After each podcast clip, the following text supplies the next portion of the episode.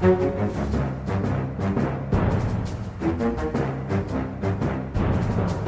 tror jeg vi er på, på vei. Ja. Ja. Nei, men Nå får vi ønske velkommen til første utgaven av Aftenpodden i 2019. Et helt nytt år. Helt nytt år. Godt nytt år. Godt nyttår, Trine Eilertsen. Jo. Sara Sørheim er ute på en romantisk getaway. Så det, I vi Sveits. ønsker litt råd. Så her klarer vi oss selv første uka i det nye året. Eh, det er jo eh, det er 2019. Plutselig kom det. Ja. Er det. vi kommer til å snakke om regjeringsforhandlingene, litt om opposisjonen. Ja. Og så blir det litt eh, fotballprat. Det blir fotballprat. Jeg skal bidra i dag.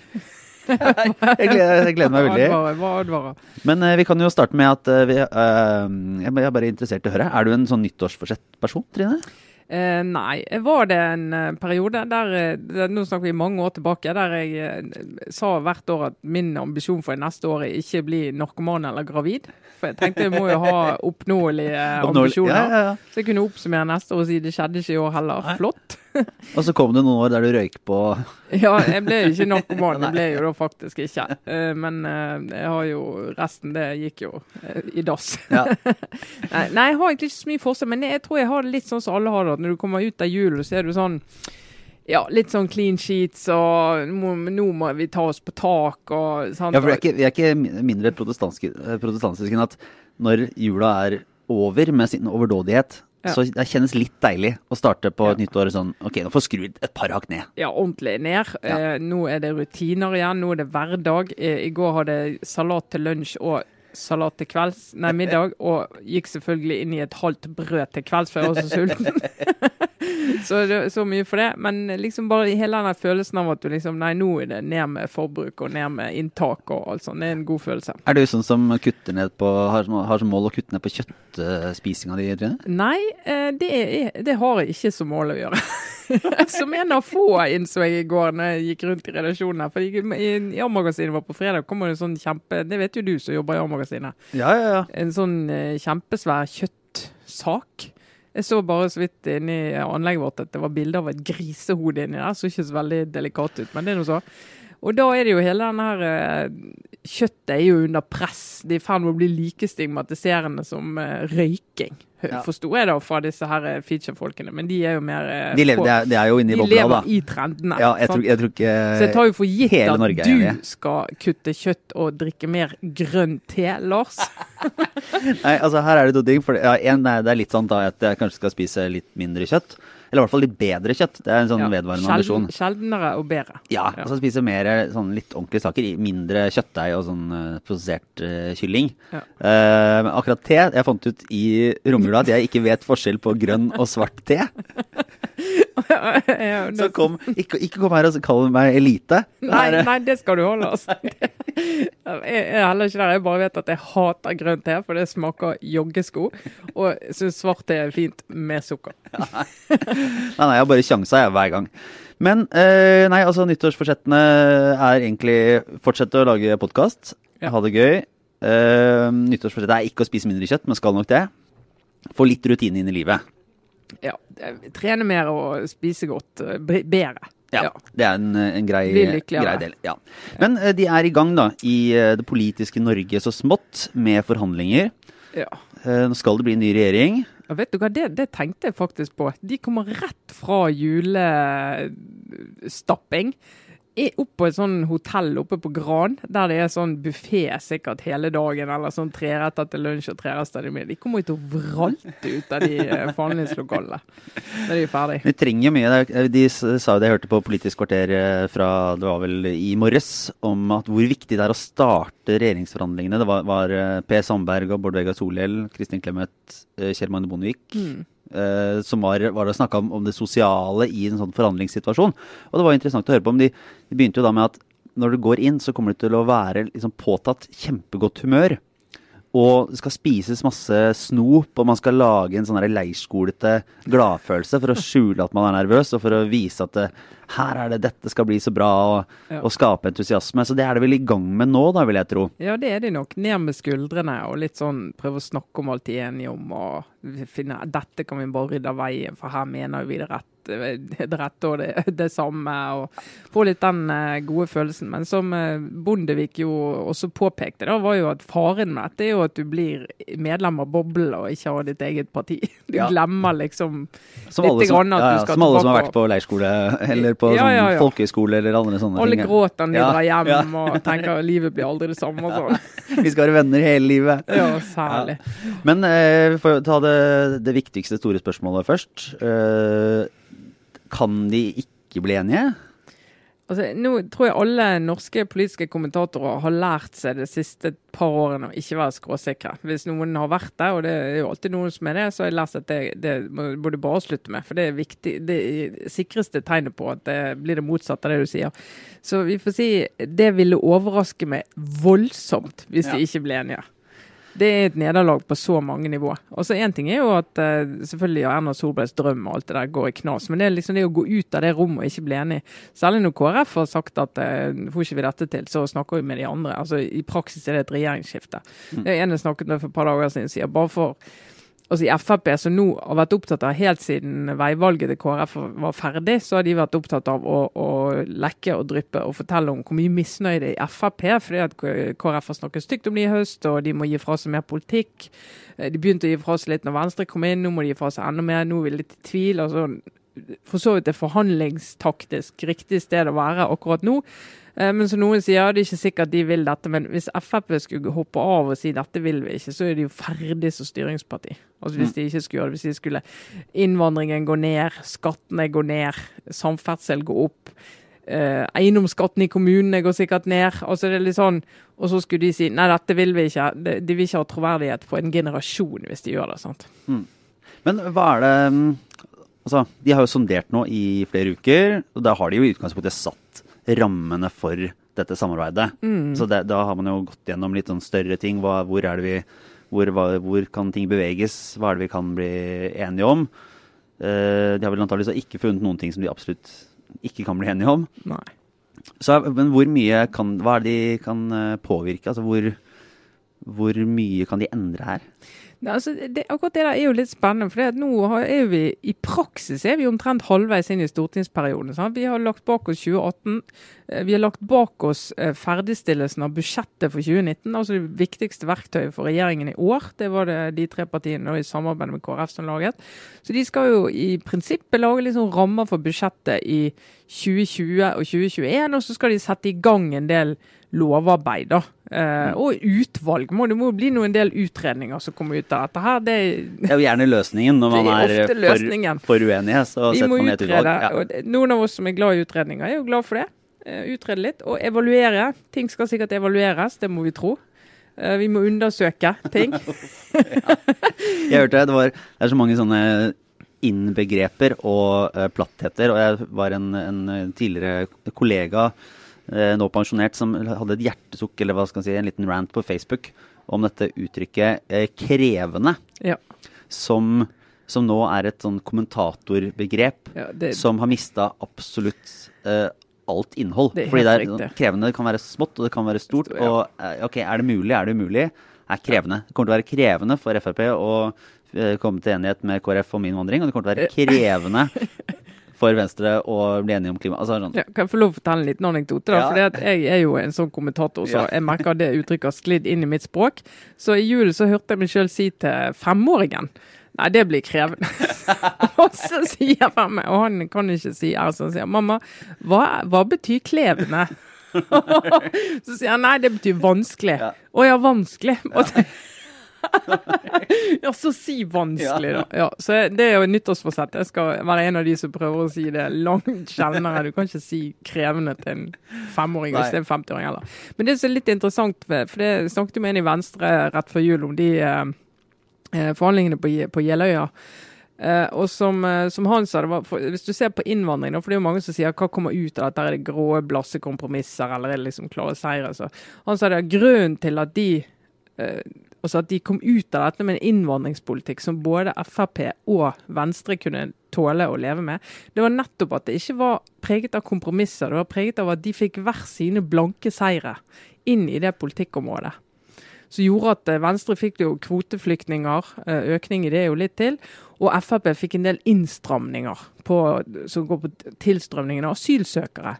Og en del sånne ting som altså De er uenige i sak, men de får noen blanke seire, så de kan gå ut og fortelle. Så det blir ikke sånn at de får sånn Ja, vi finner antall kvoteflyktninger er midt mellom det dere vil ha og vi vil ha, og så finner vi innstramninger som midt mellom. For da er det egentlig ingen som har noe å fortelle om hjem, da. Mm. Men er det, har lurt på, er det da på en måte bare en sånn sminke som gjør at de kan forsvare det, eller er det egentlig bra nok? For det er jo litt Ja, de, realiteten er jo at de har jo ikke fått det sånn som de vil helt, da. Så er det, er det på en måte, er det, nei, nei, nei, men er det, sånn, er det et vakkert kompromiss da, som gir bedre politikk, eller er det, en, er det egentlig en sånn uh, selvmotsigende politikk som, som hvis man ettergikk og, og, og, og pressa dem hardt på det, de ikke kan stå for, noen av dem? Jeg tror, jeg tror, eh, jeg tror akkurat på innvandringsbiten så har jo de eh, snakket om både Venstre og Frp og hatt friheten til å si at ja, det var ikke alt her vi, så var det vi ønsket, men vi fikk nå det vi ville ha. Og så snakker de bare om det. De er jo trent i det. Hvis du ser på klima, da. Eh, så har de, jo, de, har de jo gjort det samme de siste årene. De sier nå skal vi ikke plage Frp med å øke avgifter, men vi skal gi Venstre og KrF en del andre ting på klima som gjør at liksom på en eller annen måte effekten blir god, da. Men nå mm. begynner vi å komme der når du får så mer ambisiøse klimamål, og du skal liksom skru til enda mer. Så, så, kan det bli vanskelig å holde Frp fornøyd, fordi at du vil måtte gjøre noe med avgifter. Sannsynligvis hvis du skal greie å ta det neste steget. Så akkurat den tror jeg faktisk blir vanskeligere enn en innvandring vil mm. bli. Som de egentlig løste ganske godt på Jeløya, som en, en annen snakket med Venstre sa. Eh, hun sa at du vet, vi ville jo aldri sagt det høyt, men den innvandringspolitikken som kom ut av det, er nok bedre enn hvis vi hadde bestemt alene, sier hun. fordi at det blir mindre støy, og det blir, altså, det blir mer ro rundt det. Og det er mer sånn, det er bredere og uh, har større klangbunn da, hos mm. flere. Og uh, på siden av dette står Erna Solberg og gleder seg over uh, helheten. Helheten, helhet. Ja, det var jo på, på pressekonferansen før jul. Så ble hun jo spurt om det. Hva sak er den viktigste for Høyre oppi dette? Og, da, uh, og det, hun er jo blitt ertet med det i alle år. Hashtag helheten. Men hun omfavner jo det. og det, det, går an å le av det, men det er, jo, det, er jo, inni her òg at kampen kommer til å stå. For helheten for Erna Solberg det er jo at rammen, på å si økonomiske rammen ikke skal Eh, utvides. Du skal ikke bruke mer penger enn du gjør. Men det er klart at vi skal gjøre alle fornøyde, så er det mange lette måter å løse det på. Det vil nok KrF foreslå, det er å øke skattene. Det kan ikke Høyre og Frp gå med på i noe særlig grad. Så da må du liksom klare å løse ting innenfor en ramme som er noenlunde stabil. Og hvis de skulle komme til å bruke mer oljepenger, så mister de jo all troverdighet. All troverdighet. Men har, altså, Det har jo vært løsningen uh, i, i, flere år med, med regjeringen. Og, og, jeg lurer litt på, Det er kanskje vanskelig å oppsummere helt kort, men, men har, altså, hvordan ser helheten til Erna Solberg ut i dag kontra i 2013? Altså den der, Helheten flyttes vel? altså Hennes helheten. bilde av virkeligheten flyttes jo i tråd med at at de har måttet inngå kompromisser og, og finne avtaler med, med, de andre samarbeidspartiene? Eller har de egentlig måtte nærma seg Høyres politikk hele veien. Sånn at den er, eh, er mer vellykka nå ja. Noen i Høyre vil sikkert si noe sånt. Ja, ja, det vil helt sikkert noen i Høyre si. Men hvis du ser f.eks. på begrunnelsen for å bruke oljepenger, så tror jeg læringen må være at det finnes alltid en knagg du kan henge økt oljepengebruk på. Altså Da regjeringen eh, overtok i, eller ble etablert i 2013, den første Solberg-regjeringen, så økte de oljepengebruken fordi de skulle lage budsjett med de fire litt sånn kjapt etterpå, så da lesset de på litt ekstra. Eh, og så gikk det et par år, så kom oljeprisfallet, og da kunne du i hvert fall lese på litt ekstra. Og så tar du det litt ned ned, men du er jo ikke i nærheten av å ta det ned der det kunne vært hvis du ikke hadde økt så mye. Sånn at du har hele tiden en sånn unnskyldning for å ikke prioritere skikkelig. Og da mener jeg liksom denne effektivitetsreformen i offentlig sektor er jo alltid det de peker på når de prioriterer. Det er ikke det vi snakker om, vi snakker om liksom ordentlig prioriteringen. For det, det, driver jo ikke norske regjeringer med i særlig grad, for de er jo ikke nødt til å gjøre det. sant? Det blir mm. for vondt. Har jo ikke overlevd en dag. Men eh, det er jo historiefortellingen fra, fra regjeringshold. Eh, det har jo ikke vært den mest begivenhetsrike romjula som politisk, kan man si? Nei, det var Det var um, Jeg kan ikke i farten komme på noe voldsomt som de, skjedde. jeg tror de fleste trengte en liten pause etter et langt år. Og særlig den høsten tok jo helt knekken på de fleste KrF-høsten. Men eh, det var jo egentlig to eh, ting. Det ene som vi har lest og lest med interesse i Romjula, som vi skulle snakke litt om, er eh, Hadia Tajik, som skriver i Aftenposten jevnlig.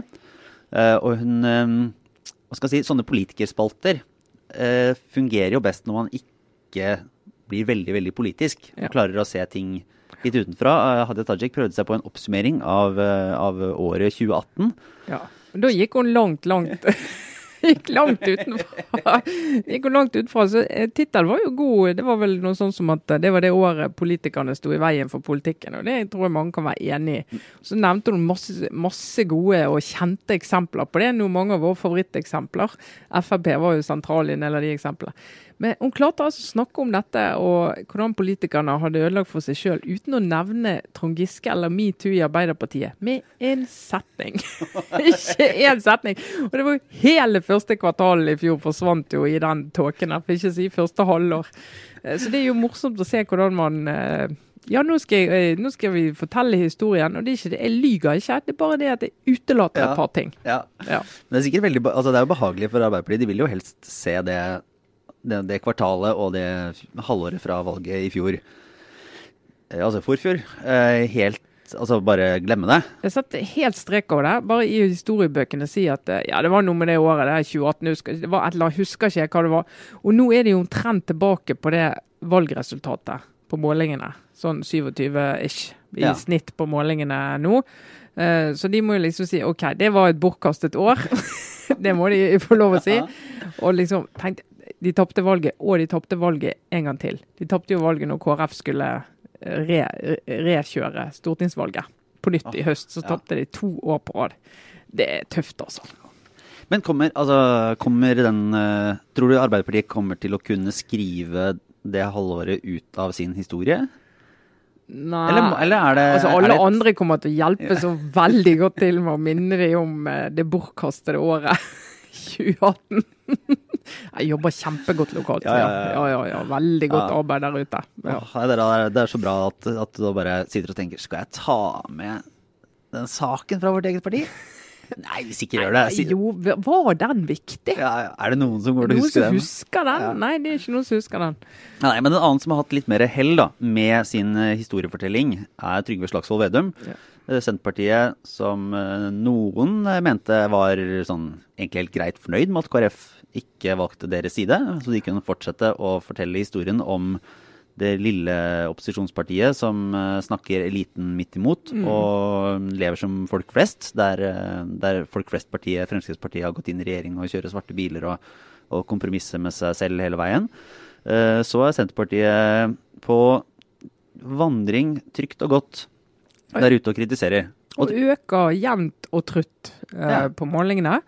Ingen grunn, egentlig. Og de, hadde, de var jo også der at da de hadde SMS-hyttetur-gate i fjor vår, så betydde det ingenting på målingene. Så de har Nei. De er liksom bare ja, suser på. Stø kurs. Fortsett videre. Og eh, Trygve Slagsvold Vedum hadde da en lang eh, Altså han, han hadde, det var en lang sak i Klassekampen om hans kommunikasjonsstrategi. Eh, der han hadde ti teser, altså sånn ti regler han fulgte da i sitt, eh, sitt virke som partileder for å ikke bli en del av eliten og for å, mm, ja, for å vinne fram. Og det, eh, det som jeg syns var fascinerende med å lese det, er jo et eller annet når når personlighet og parti og politikk treffer tiden på et sånn riktig tidspunkt, da, Mm. så kan han få åtte sider eller hva det var for noe i Klassekampen som egentlig er hans kommunikasjonsstrategi. Altså Han får fortelle sånn prøver jeg å fortelle dere at jeg er på en spesiell måte. Mm. Og så blir det på en måte til hans ære. Altså det, det er ikke det er sånn Ja, for han virker- virker ikke manipulerende, da. Nei. For han flytter seg ikke fra seg sjøl. Altså Mm. For han er det helt eh, utenkelig å snike i en kø, selv, selv om han har privilegiet til å gjøre det fordi han er en kjempepartileder. Han forteller jo om dette i det intervjuet. Så det ville han aldri gjort. Han vil ikke gå i sånn fast track på flyplassen, selv om han har billett, så gir han lov til det. Så da går han heller blant alle oss andre som står og stanger i sikkerhetskontrollen. Og det er jo sånn Da tenker jeg, ja ok, Og han sier jo at han gjør det fordi at han skal bli likt. Det er jo det han sier. Ja, ja, fordi hvis han blir sett som en sånn sniker eller en som ikke Ja, alle står og ser at han så, så vil, det, vil det være dårlig, da. Ja, så det er en veldig sånn voldsom kontrast mellom han og så selvfølgelig en Jonas Gahr Støre, da, som det ble laget dokumentar om i høst. Det het vel 'Statsministerdrømmen'. Eh, laget av NRK. Eh, Ingen Solheim og Astrid Randen laget den. Og fulgt Støre og gjengen hans i hele høst når eh, KrF skulle eh, gjøre sitt valg. En god idé, forresten, for det kunne jo endt med regjeringsskifte. Det gjorde det ikke. Men du får liksom følge Støre i det dramaet. Du får et inntrykk av hvor utrolig heftig det var egentlig for han å sitte, for de skulle jo sitte passive da, og se, følge dette dramaet. Men på et tidspunkt i den dokumentaren som for å si sånn, ikke var klippet til Støres fordel på noe punkt, det, det må jeg si. Eh, Så blir han spurt om, da, etter å ha vært og melket eh, kyr på Dyrskuen i Telemark. Eh, Så i klippet så løfter han opp denne her muggen han har melket i, og så spør han om det er mulig å drikke melken rett fra juret. Og så spør Astrid Randen hvorfor hun spurte om det. Hvorfor, hvorfor han spurte om det. Litt sånn i, i en sånn konfronterende setting. Så det litt sånn Harde spørsmål. ja, det er sånn tøffe spørsmål. Og så han nei, han eh, visste ikke det, og kunne ikke vite det, og ikke vokste opp på gård og alt det der. Så liksom da blir narrativet da at ja, men lederen for liksom folk, selveste Folkepartiet, som jo er Arbeiderpartiet, og virkelig er de som skal være folk flest i parti, ikke vet det engang. Det er så alle vi andre som egentlig kommer fra bonde- eller fiskerslekt vet. Nå vet ikke hvor mange i Norge som vet det lenger, da. Det er liksom Ja, det er jo, men nå også kommunikasjonen aktivt fra Trygve Slagsvold Vedum er jo Og, der er han ganske um, sofistikert, syns jeg, når jeg leser dem. at han, han setter jo alltid opp litt sånne motsetninger. Og noe er litt stråmenn, og noe kan, kan fint være Det er et anonymt eller sånn indirekte angrep på andre partiledere som er mer elite, ikke sånn, som ikke har skjønt det. Ja. Og sånn, alt det han gjør, kan, kan leses inn i en sånn en, ja, en, en kamp da, mot, mot de som tror de er noe. Ja. Han skal være sånn jantelovforsvarer, han skal, ikke, stå- han skal ikke snike i køen, han skal kjøre buss, ikke helikopter. Han skal, skal være Men det er jo Det hjelper jo, da. Og det, når, eh, når du er en litt sånn er troverdig, og det er partiets store sak, og Ja. treffer en bølge der folk er oppgitt over eliter som tar seg til rette og tror de er bedre og Ja, kan ditt og datt. Ja, og, det, og samtidig så er det jo en viss sånn Altså jeg merker jo, eh, Vedum, det, det passer jo han veldig godt, og den situasjonen parti, partiet er i. De er jo en utfordrerrolle. sant? Med en gang han eh, kommer i regjering og har det veldig travelt, skal drive valgkamp samtidig som han er statsråd, kanskje, eh, skal eh, blir spurt om ja, men kan ikke vi bare ta helikopter da, på de tre neste postene, og så skal han si nei. Vi skal kjøre buss, for det er det vanlige folk i Norge gjør. Altså det kan bli, og det, det er inni der, det er en litt sånn populisme oh. i den der at, at du ikke skal ha noen forståelse for at roller og liv er forskjellige. da. Og Noen trenger, og noen bare tar den på flyplassen, og noen har faktisk behov for den fast track-greien. altså, og det er effektivt og bra for alle at de bruker den. Og Hvis alle skal stå og stange i den samme sikkerhetskøen bare for å vise at vi liker det, det blir litt sånn ja, det blir en litt sånn der eh, falsk, egalitær eh, rollespill. Altså Du skal liksom gå inn i og late som vi er så like. Og det blir litt sånn Ja, nei, jeg spiser pølse med brød, sånt, som vi har Ja. jo snakket om før. For det er det folk liker. Ja, Men hvis du ikke liker pølse, da, så spis sushi, da vel. Hva er godt med det? Ja, ja. Jeg gleder meg til den første saken eh, dersom Trygve Slagsvold Vedum blir, eh, blir statsråd. Og vi får, får tatt bilde av ham der han går rett forbi en sånn kø. Så bare, ja, for det, Ok, kom, nå det har du, brutt, har, du, nå har du brutt med tesen din nå, da. Eller Ja. Han, han skrøt at han ikke skrev tale, at han, at han ikke hadde taleskriver og skrev alle talene sjøl. og kommer for seint til debatter. Ja. eh, og liksom fordi han skal gjøre alt sjøl, for det er så viktig. Og det kan du godt mene, men det er bare det at når du er i en annen rolle, så er det ikke sikkert at det er bra for rollen at du gjør det på den måten. Men akkurat i den rollen han er nå, så er det det. Mm. Og så har han jo sånn når han går for langt på en måte i Altså Han liksom skrev på Facebook at disse her eh, som jobber mot, med ulveregler i departementene, de har elsykkel og skjønner seg ikke på noen ting. Som selvfølgelig er sånn Jeg syns det er vittig. Ja. Det, er jo, det er jo godt observert og godt formulert, så får han kjeft for det. Da det ler han jo bare, sant. Ja, ja. Og med en gang han føler han har gått litt for langt, så ler han det bare vekk. Og han har jo en latter som gjør at han klarer å le vekk alt mulig. Mm. Men uh, han, er jo, han er jo helt rett mann til rett tid i rett parti. Men uh, vi skal ikke uh, trenge å spå for mye inn i 2019, i hvert fall her. Det er mulig vi kommer tilbake til det litt uh, seinere i januar. Men er det noen, hva er det som er farene for Senterpartiet sånn som det er nå? For nå ser det ut til at ja, de vokser støtt og stadig. De har en regjering de kan opponere mot. De har tydelige roller. De, kan, måte, de får det til å funke. Mm. Eh, er, det, er, det noe, er det noen skjær i den sjøen i det hele tatt? Altså, Jeg klarer ikke helt å se Nå, nå kommer jo, er det jo lokalvalgkamp eh, til høsten. Og da, Forrige gang så hadde de jo kommunereformen, som var en sånn kjempesak for de. Og det, det, som blir spennende å se, er jo om det er like mye kraft i den saken nå. For det var enormt viktig som mobiliseringssak. En del av de mobiliseringssakene som Senterpartiet hadde forrige valg, de er jo ikke så tydelige nå. Uh, for nå er liksom ting Folk er liksom ferdig med det, eller de står midt i det. og ikke sånn det blir ikke så avgjørende heller, da, hva som skjer lokalt med tanke på hvor, hvor de sakene går. Så det blir litt sånn spennende å se hva saker de skal kjøre i lokalvalgkampen. For i utgangspunktet så tror jeg de kan ligge og flyte på det nivået de er nå, helt inn i 2021. Det er ikke noen sånn spesiell grunn til at de ikke skal gjøre det. Å falle, f.eks. Mm. Men ser Arbeiderpartiet, de må jo nå eh, få farten så sinnssykt opp hvis de skal klare å redde høstens valg. Så ja, fordi SV ligger også ganske solid til, og ser ikke egentlig ut til å svekkes voldsomt fra, fra det gode nivået de har vært på. de har også økt siden valget, ikke sant. Og det jo og det Arbeiderpartiet jo må sikre seg. De ligger langt bak der de gjorde lokalvalget. På snittet på målingen ligger de langt. De var jo et kjempevalg de hadde i 2015. Mm. Eh, nesten for godt for de nå, fordi at det blir så, de vil bli målt med, mot det. og det sånn, Nesten uansett så vil det bli et nederlag. da. Eh, men at, men at, de skal inn her, og du ser noen av de de har tapt til, er Senterpartiet. Ute på indre Østland. altså Mange av de gamle Arbeiderpartikommunene de er i ferd med å bli Senterparti-bastioner. Eh, og da begynner du å få den der, Hvis Arbeiderpartiet øker fordi at de spiser av samarbeidspartnerne sine, så vet jo alle at det ikke nødvendigvis endrer bildet i 2021. Mm. Ja. Så det.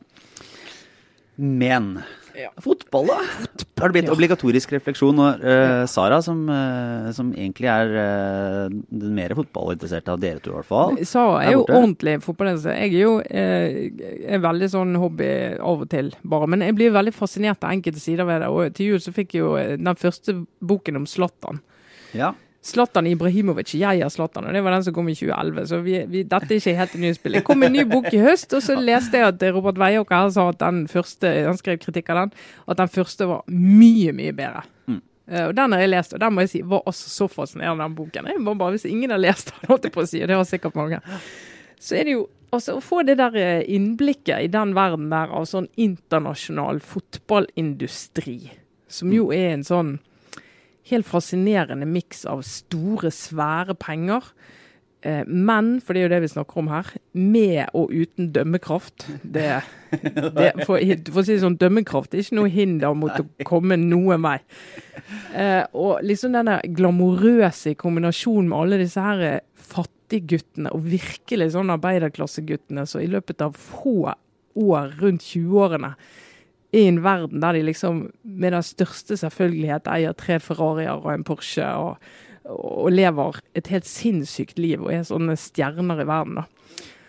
Og så Denne store butikken det er. Og så I denne Slatterboken han er jo en fascinerende person. som jeg tenker Hadde ikke han vært fotballstjerne, så han jo vært kjempekriminell. Det er jo det så Det er vanskelig å se for deg inn i en helt vanlig jobb. Jeg tror ikke han blir lærer. Nei. Men det har jo en helt fascinerende bakgrunn. sant? Sånn Foreldrene er innvandrere fra Balkan, han har vokst opp i Rosengård i Malmö, der eh, byen, eh, og hadde egentlig ikke noe utsikter å snakke om. da. Så har han her fabelaktige talentet og går på denne reisen gjennom fotball-Europa og liksom er i Juventus og Barcelona og Milano og Inter, alle disse her store klubbene. Og når han forteller om disse her personrelasjonene mellom han og trenerne Han, han går jo ganske langt i å beskrive de. Eh, og Litt av grunnen til at det er gøy å snakke om noe, er jo at en av de han likte aller aller best og hadde størst respekt for, det var jo Mourinho. Som forsvant ut av eh, United rett før jul, der eh, Solskjær da føk inn og nå blir snakket om som verdens mest suksessrike nordmann noensinne, fordi han har vunnet fire kamper eller noe sånt. og og Mourinho var på en måte den mest hatede mannen i England.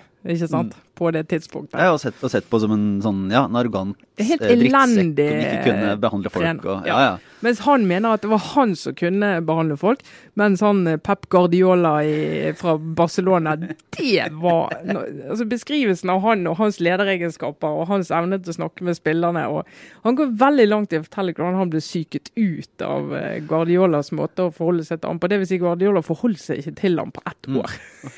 så ble så rett og slett, og han sluttet jo i klubben òg etter. Det er fantastiske møter mellom, mellom store egoer. Det er enormt svære egoer. og Zlatan er jo kanskje, Kanskje klodens, største, ja. klodens største ego. Det er jo en helt egen liga.